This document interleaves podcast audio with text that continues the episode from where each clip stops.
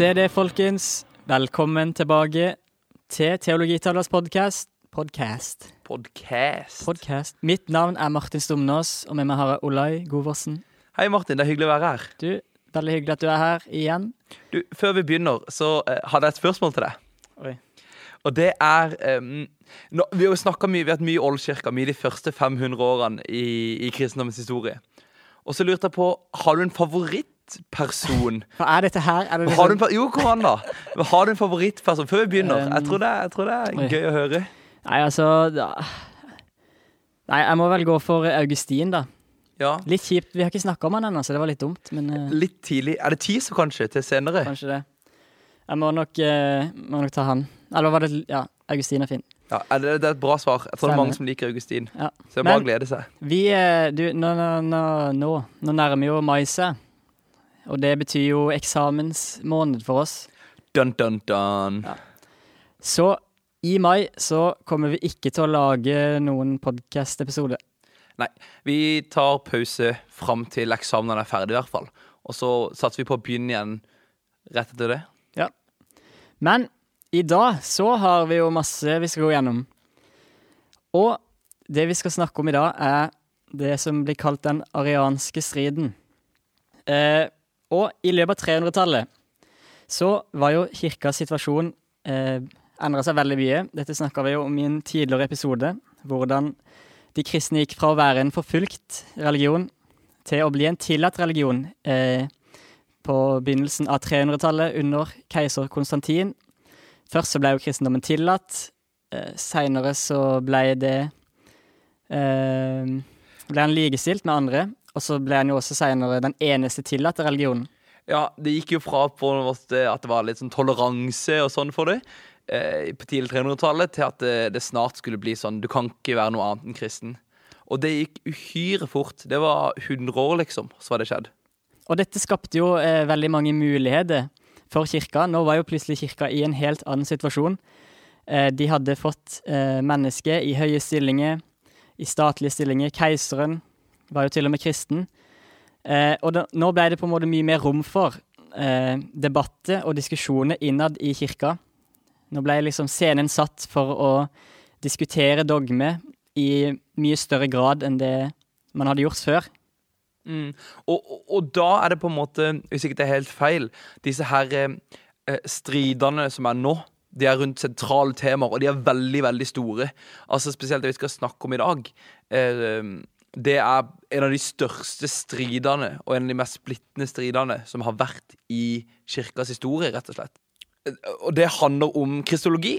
Og kristologi det er sammensatt av to ord, Kristus og logos. Så det er ord eller viten, eller viten om hvem Kristus var. Eh, og eh, Nytestamentet det omtaler Jesus som et menneske. ikke sant? Han spiste, han drakk, og han ble sulten og hele pakka. Samtidig så snakker de om Jesus som noe mer enn menneske, som det vi kaller for preeksistent. Han eksisterte før han ble født på jorda. Dette kan vi lese om i f.eks. Johannes 1. Eh, eh, altså, Gud, altså Ordet var hos Gud, og ordet var Gud. Dette her med at han var før, før han ble skapt, at han var med i skapelsen. Mm, og også at ordet ble Mm. menneske. Ordet ble menneske, så at det på en måte før det så var det Så, Så så eksisterte han. Så eksisterte han, ja. I tillegg så blir også Jesus kalt ting som Guds sønn, Herre, til og med Gud. Og da oppstår det et problem. Og det er hvordan kunne Gud bli et menneske? Og dette er veldig linka med den her greske, hellenistiske verdensbildet som vi snakker om et par ganger. Fordi da var det nesten utenkelig at eh, Gud, eh, som på en måte eksisterte som en ånd i en helt annen verden, helt separert, kunne bli et menneske. Eh, og da har vi to tidlige syn som, forkast, som ble forkastet som vranglære, som da ikke så på Jesus eh, og Gud som vi gjør det Eller Jesus som Gud som vi gjør det da. Og det er ebionisme og doketisme. Ja. Og ebionismen og eh, doketismen har vi jo snakka om allerede.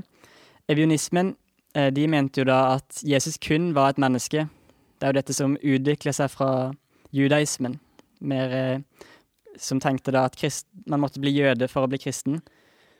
Eh, de tenkte da at eh, eh, Jesus ikke var eh, noe åndelig større enn andre mennesker.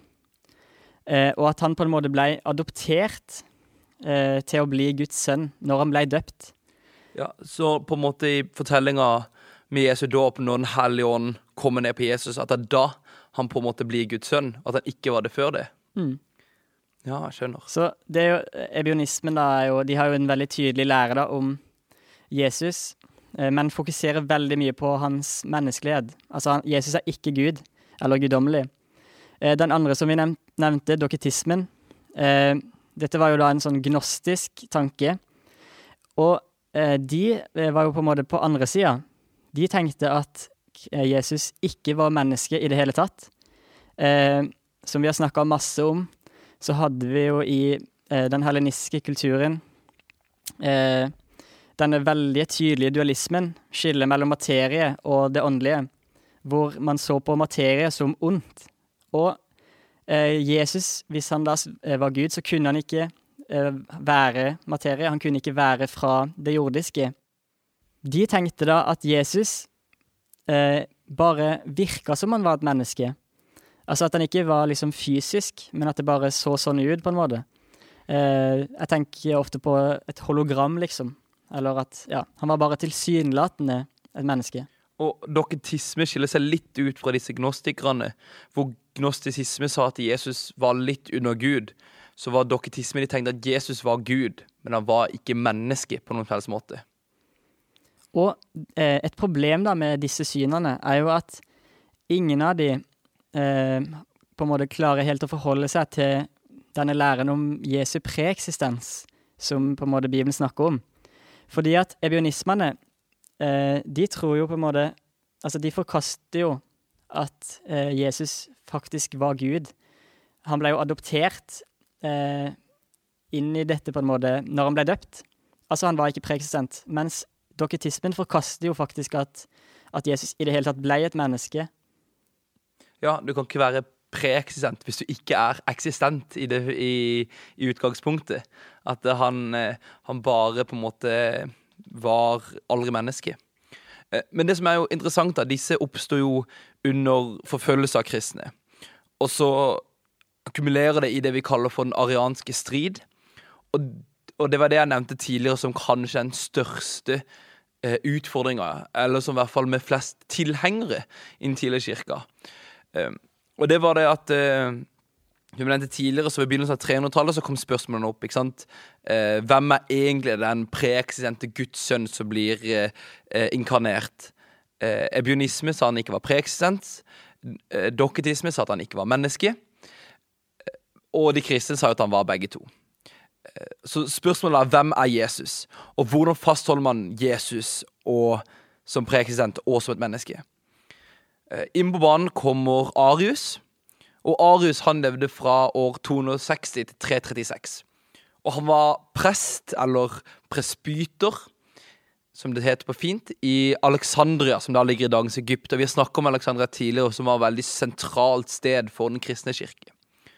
Og vi vet rett og slett ikke så mye om han, fordi det er veldig få av hans skrifter som er bevart. Ja. Og, og, det er jo det vi snakket om tidligere, at uh, ofte og vi kommer til å forklare senere at han er taperen i denne fortellinga. Og ofte med taperne så har vi ikke så mye av de sine tekster. Vi har bare mye av det som på en måte Det folk har skrevet om han. Mm. Eh, jeg, tror, er, ja, jeg, tror, bare det er et brev eller noe som han skrev som vi har bevart. Så det er ikke mye. Ja, men eh, for å si det sånn, hans ringvirkninger har vært veldig store. Men han var veldig påvirka av et helenistisk gudsbilde. Av uh, den her greske uh, gudskulturen. Og han kunne ikke akseptere at et menneske også skulle være Gud. Og Dette er veldig veldig viktig å poengtere med Arius. Han kunne ikke akseptere at et menneske også skulle være Gud. Så, så han prøvde å holde fast ved inkarnasjonen, samtidig som han hadde en klar avstand mellom logos og Gud. Og logos er jo på en måte dette ordet eh, som det står om i Johannes 1, at ordet var hos Gud, og ordet ble Gud. Det er jo det han mener. Han ville holde en klar avstand mellom de. Ja, Han måtte på en måte prøve å forklare både preeksistens og forskjell mellom Logos og Faderen. I, på en måte, i samme åndedrag, holdt jeg på å si. Og Aris la, la, la, særlig vekt på at alt som eksisterer, kommer fra Gud.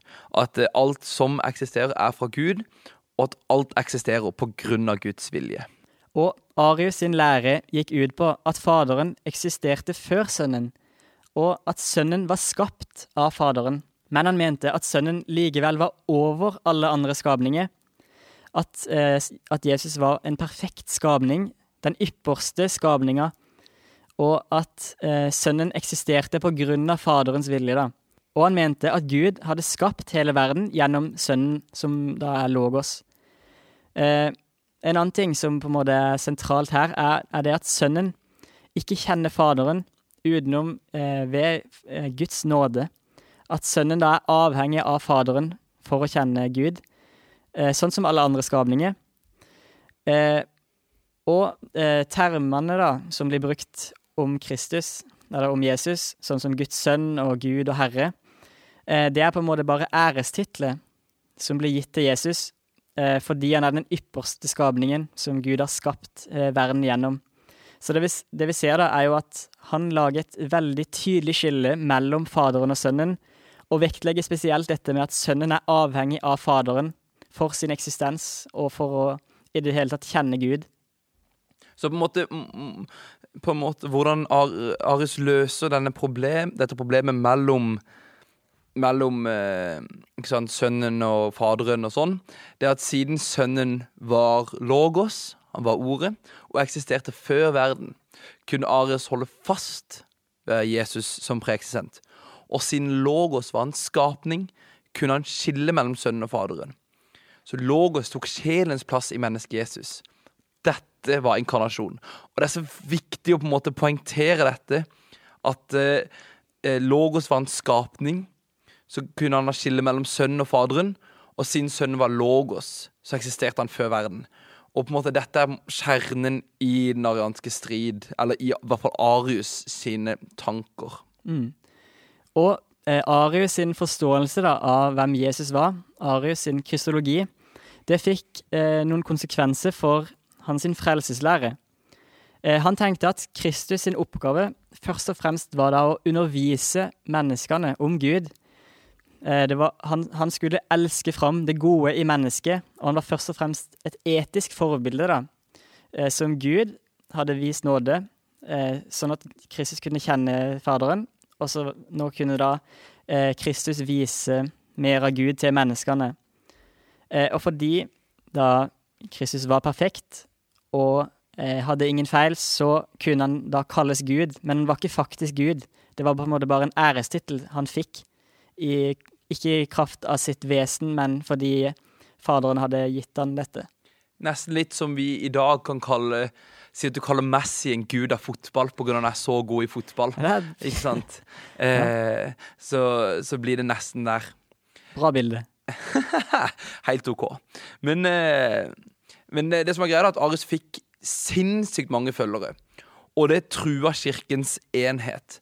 Eh, og, og, dette likte ikke keiseren, da. Altså Dette var keiser Konstantin, som sikkert mange av dere kjenner. Eh, som vi snakka om før. Han likte ikke at det var en stor splittelse i den største religionen i hans sitt i, i hans land.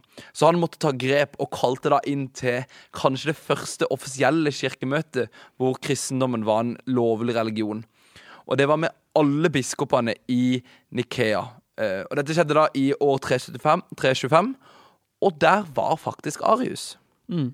Og dette er jo da det man kaller et sånn økumenisk kirkemøte. Det var alle biskopene.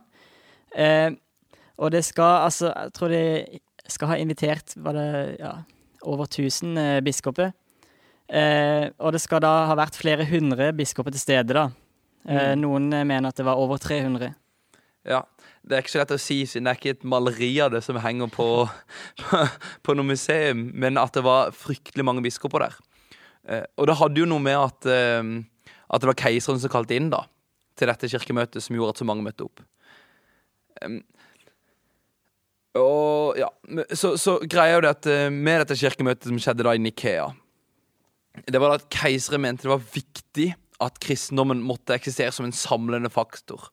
Og eh, jeg tenker kanskje litt det at uh, dette er sikkert en av grunnene til at mange tror at uh, han Konstantin var Som innførte statsreligion, siden han var ofte aktivt involvert i sånne kirkemøter og kristne saker og sånne ting. Men um, for å si det sånn, så var det nok trolig ikke teologien som var så sykt viktig for Konstantin. Eh, det var nok enhet, og at det var ro i folket og kunne ha noe å lede dem med. Eh, og det som er jo interessant, er at selv om Arius var til stede, så lå hovedvekten i møtet på å fordømme arianisme.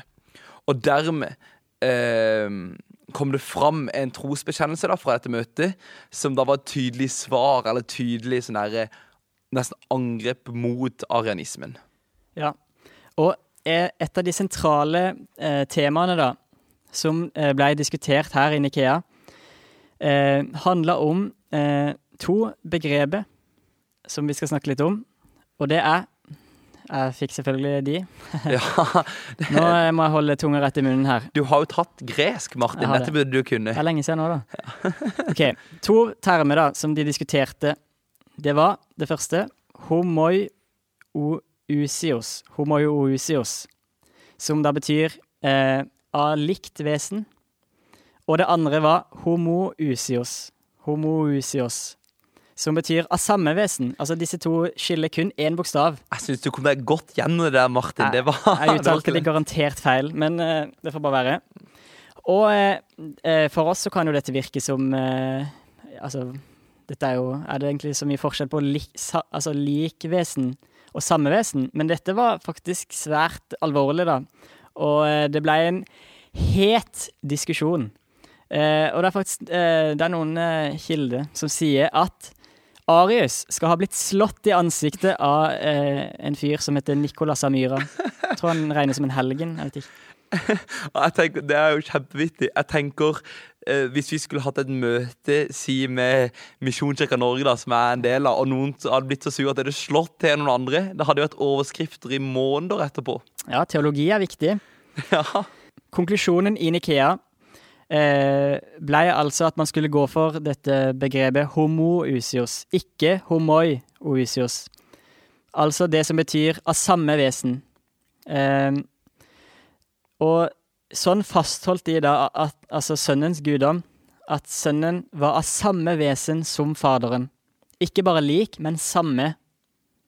Og på en måte, eh, når dette bare skulle bli anerkjent som eh, allmenn kristen lære, så ble det jo mange som var sterke motstandere. Spesielt altså eh, eh, de som kalles for nyarianere, som da kom i fotsporene til Arius, men bare var enda eh, enda mer ut på vidden. Og de tok opp ordet anhomoios, som betyr ulik. Eh, og da var det liksom at faderen og sønnen var av ulike vesen, og enheten mellom dem var kun eh, at sønnen var lydig til faderens vilje. Og um, disse her eh, nye arianerne var nok enda mer radikale enn Arius når det kommer til å beskrive kristologien. Mm.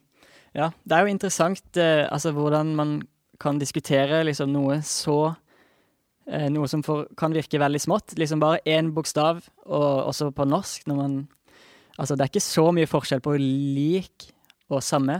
Altså, hvis Ja. man sier lik At sønnen er lik faderen Jeg tror ikke det er så mange som hadde reagert på det i dag, liksom. Ja, sønnen er lik faderen, og Mm. sønnen er den samme som faderen. Mm. Det høres jo veldig likt ut. Men det var altså da veldig viktig. Eh, det har vært veldig viktig i kirka. Eh, og du snakka jo litt om disse nyarianerne. Og så var det jo også en annen gruppe eh, som egentlig mente at denne diskusjonen var litt sånn på en måte tåpelig, og at, at uh, disse spørsmålene da var litt over hodet på oss. Dette var noe men vi ikke er i stand til å forstå. Så de på en måte bare ja, holdt seg litt unna diskusjonen, på en måte.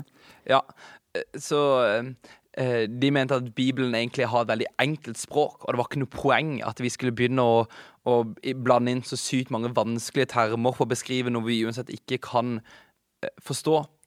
Eh, og det er jo vittig, da. Dette er jo litt senere, men eh, denne debatten fortsetter i, fram til år 381. Eh, og da er det en keiser som heter Konstantus, som er da sønn av Konstantin. Kreativt navn. Ja, kreativt navn. Men han sier det, da, at At sønnen er lik faderen, slik Skriften anerkjenner. Problemet er jo det at alle er enig i det. Det er jo, det er jo alle enig i. Men de er ikke enige i hverandre, hvordan de forstår teksten. Mm. Ja, de var jo avhengig av å tydelig definere ord for å faktisk klare å lage skille mellom disse ulike gruppene. Som Ja. fakt, altså, de hadde jo faktisk en reell ulik teologi, men det var litt vanskelig kanskje å eh, tydelig skille de, og derfor så var de veldig opptatt av disse begrepene. Ja. Men jeg, jeg tenker vi må litt tilbake til, til Nikea. Fordi det, det viktigste som skjedde, da, det var jo dette, eh, dette ordet, og at de former det vi kaller for den nikeanske trosbekjennelsen. Og um, det som var greia med den nikeanske trosbekjennelsen, var at uh, den handler ikke egentlig så viktig om hva jeg tror, men det handler om å si 'dette tror jeg ikke på'. Så det var veldig som på en slags eh, eh, De gikk veldig sterkt imot den der eh, em, Han tar et tydelig oppgjør med arianismen. ja, den tar et tydelig oppgjør mot arianismen. Uh, uh, og den lyder på den måten. Dette er oversatt fra gresk til norsk. Har du oversatt det sjøl? Nei, dessverre. Dette har jeg funnet. Det er for svakt, Olai. Uh, ja, til neste gang, Martin. Jeg måtte hatt litt bedre tid. Neste gang så oversetter du den. Kunne trengt en måned. Ja. Og nå skal jeg lese den nikianske trosbekjennelsen, tenkte jeg.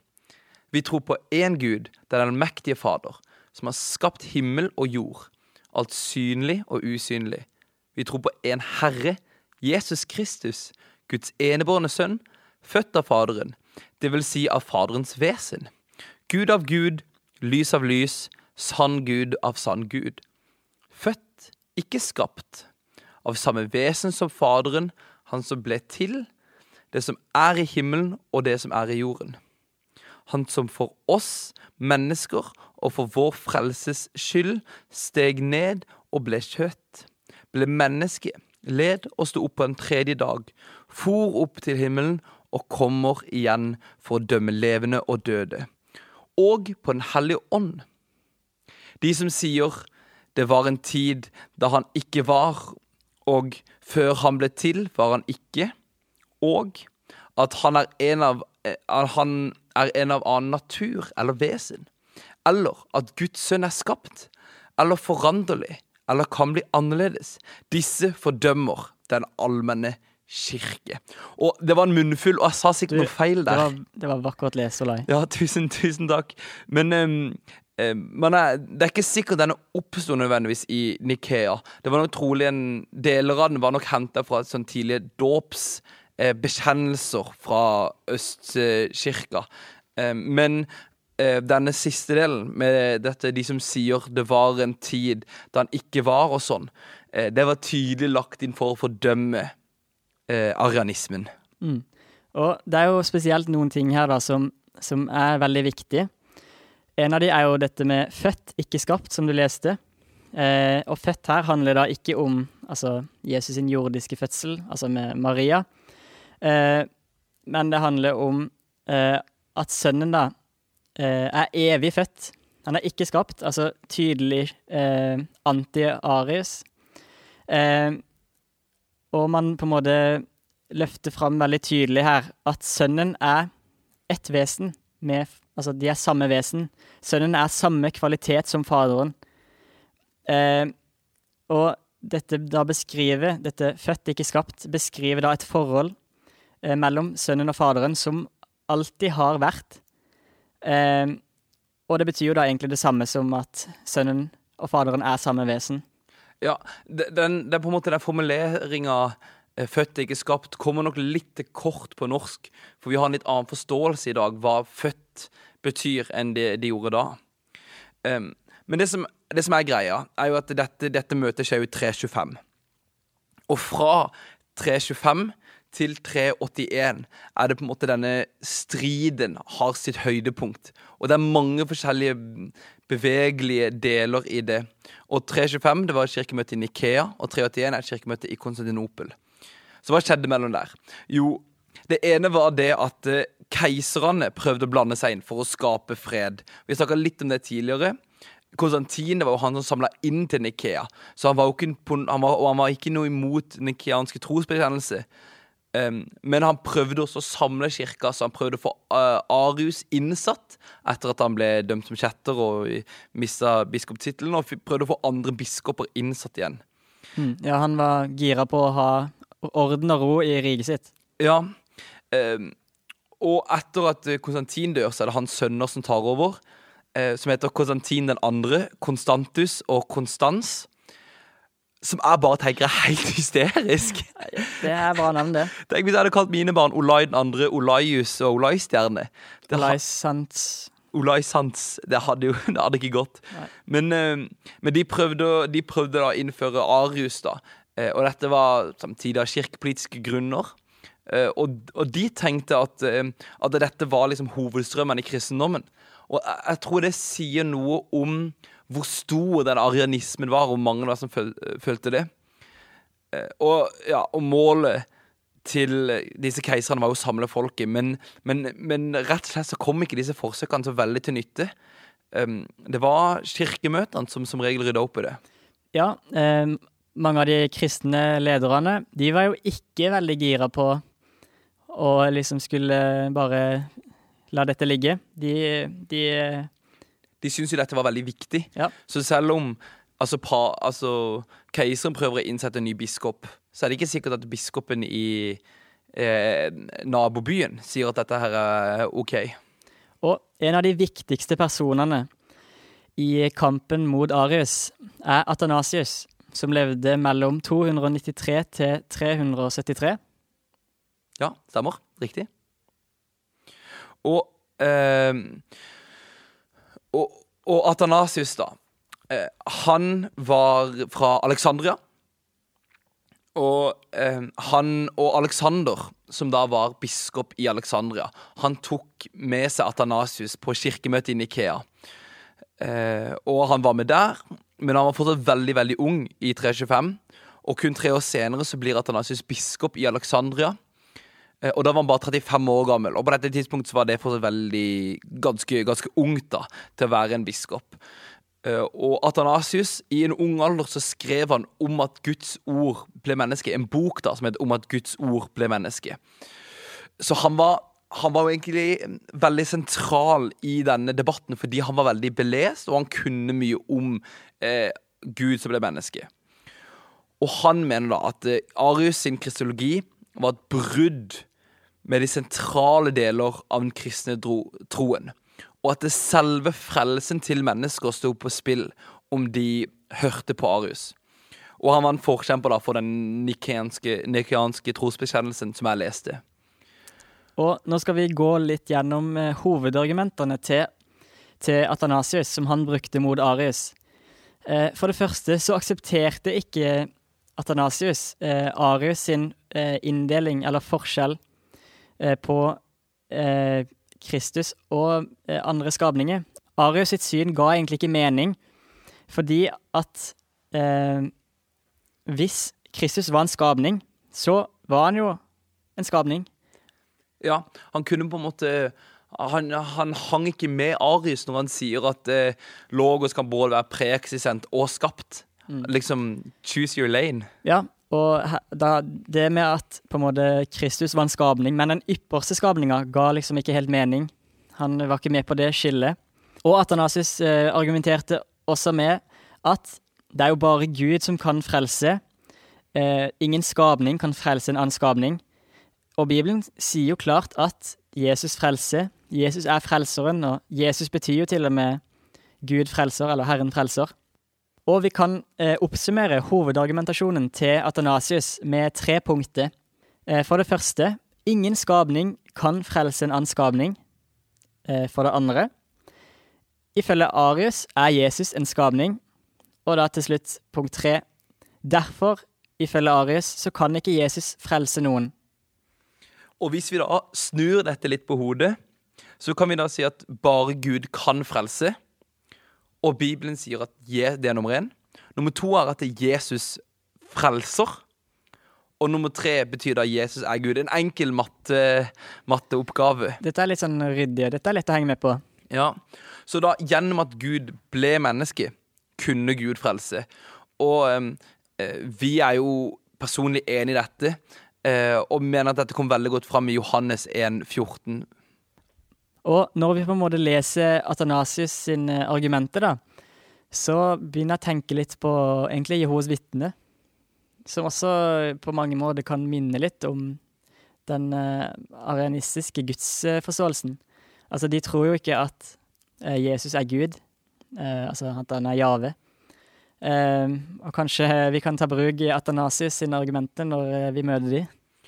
Og det som sikkert er fascinerende, det er jo at, eh, at denne teksten, Johannes 1, som er veldig viktig for å snakke om at Jesus var Gud, den har jo eh, Jehovas vitner skrevet litt annerledes. Eller de oversatt litt annerledes.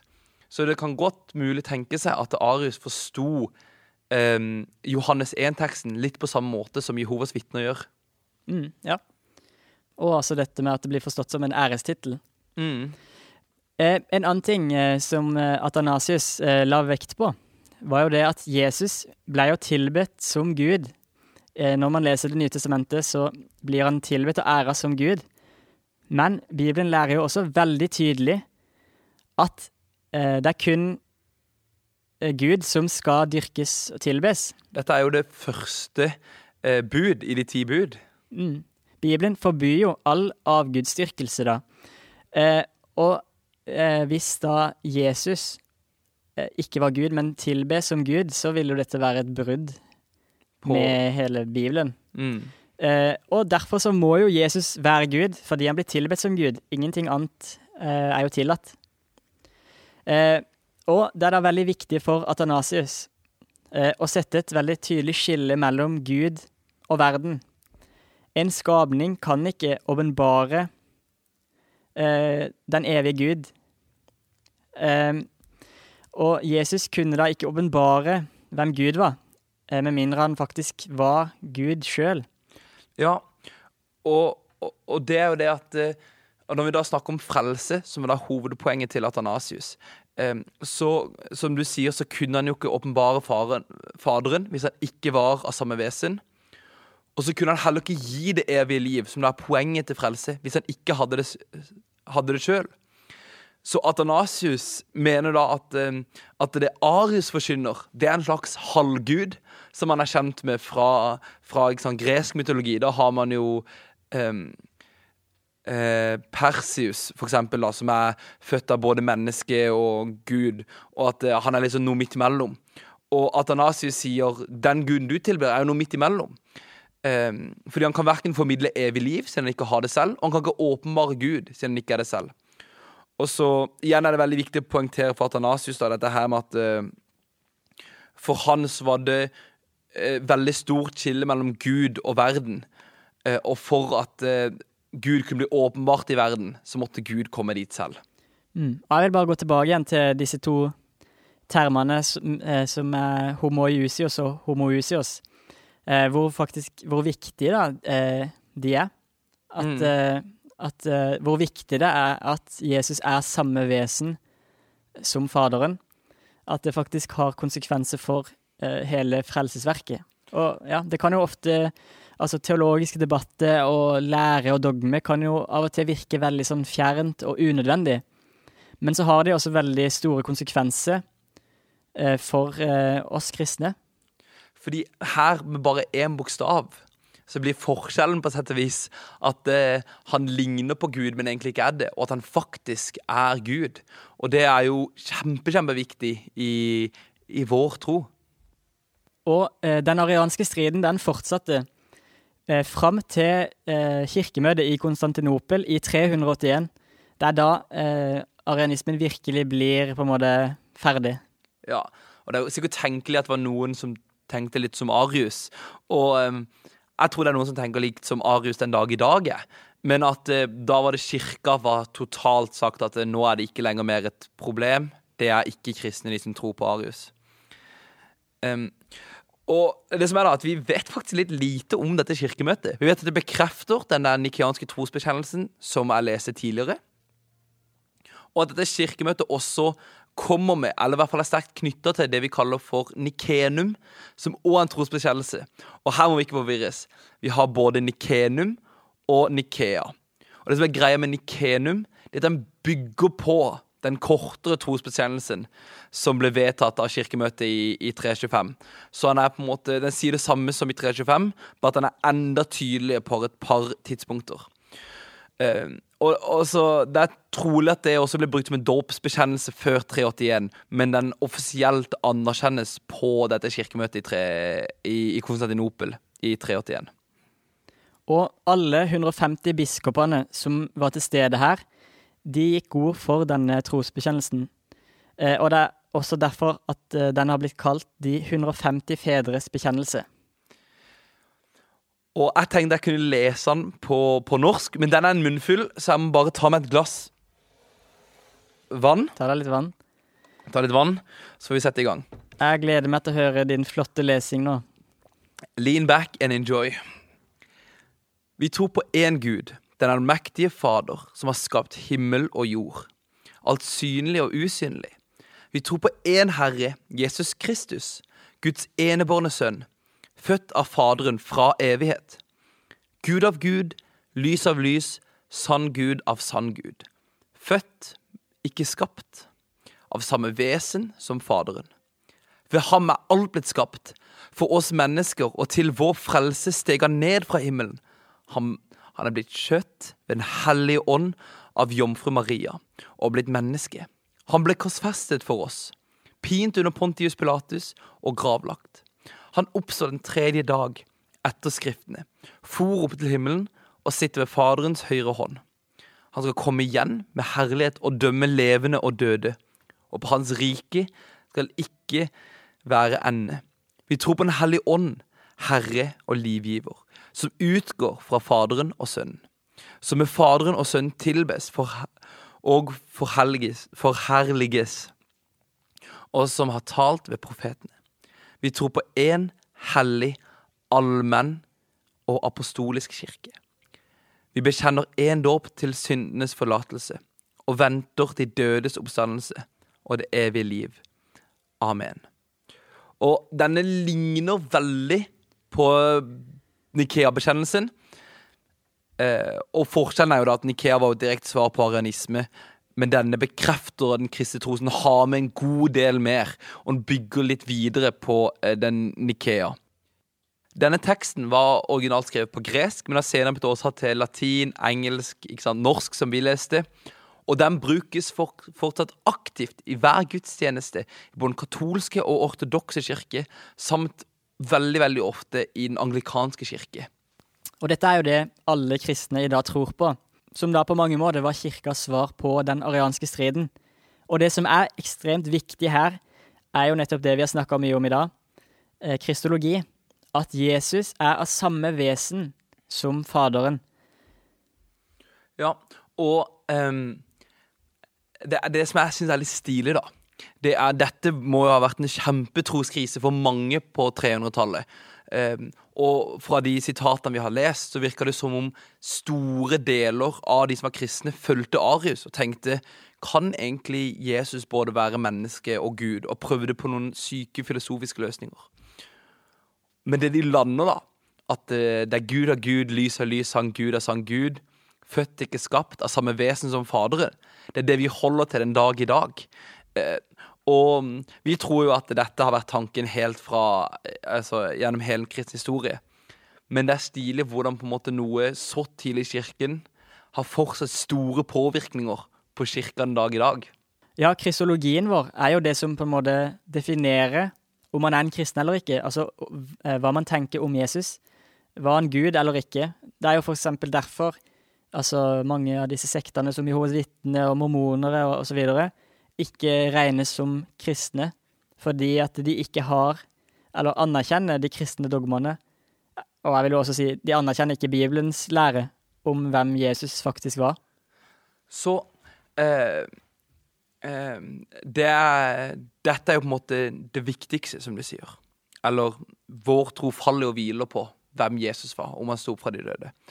Og eh, det er jo eh, Det er jo ofte stilig å lese om hvordan den faktiske troa nådde fram, og hvordan vi har endt opp med den i dag, og hva som har vært viktig. Um, så det blir nesten litt forkynnelse på slutten her, Martin, men da tror jeg vi er ferdig med dagens episode, stemmer ikke det? Jo, eh, hvis ikke du har noe mer på hjertet, så, eh, så tror jeg det. Ja, igjen så blir det jo en liten pause nå, fram til mai er ferdig. Eh, men så håper vi at dere begynner å høre når vi begynner å legge ut episoder. Olai, du vet hva som kommer nå? Jeg vet hva som kommer nå. Vær så god. Da er det bare å like, subscribe Hei, hei, hei. and follow. Du må gi meg mer enn det. Du må gi meg okay. Jeg vil ha hype. Kom an. Da er det bare å like, følge, subscribe hvor enn du ser podkast. Hvor enn du hører podcast. Er det på Facebook, følg oss der. Er det på YouTube, lik, følg, hør og se hele episoden, så du vet at eh, En gang til, så du vet at vi får flere views. Hvis du er på vår nettside, så setter vi veldig pris på det. Og hvis du kan sjekke den ut, så er vår nettside teologitavla.no. Nå, det var nesten som å være på loftet. det. Ja, det Jeg har aldri vært der, men jeg regner med det er sånn det er. Ja, Loft er jo det ungdomsarbeidet som eh, jeg står i i Randesund misjonskirke, og der er det bare hyperstemning. Det er bra. Takk for at dere lyttet. Yes, Vi snakkes. Vi snakkes.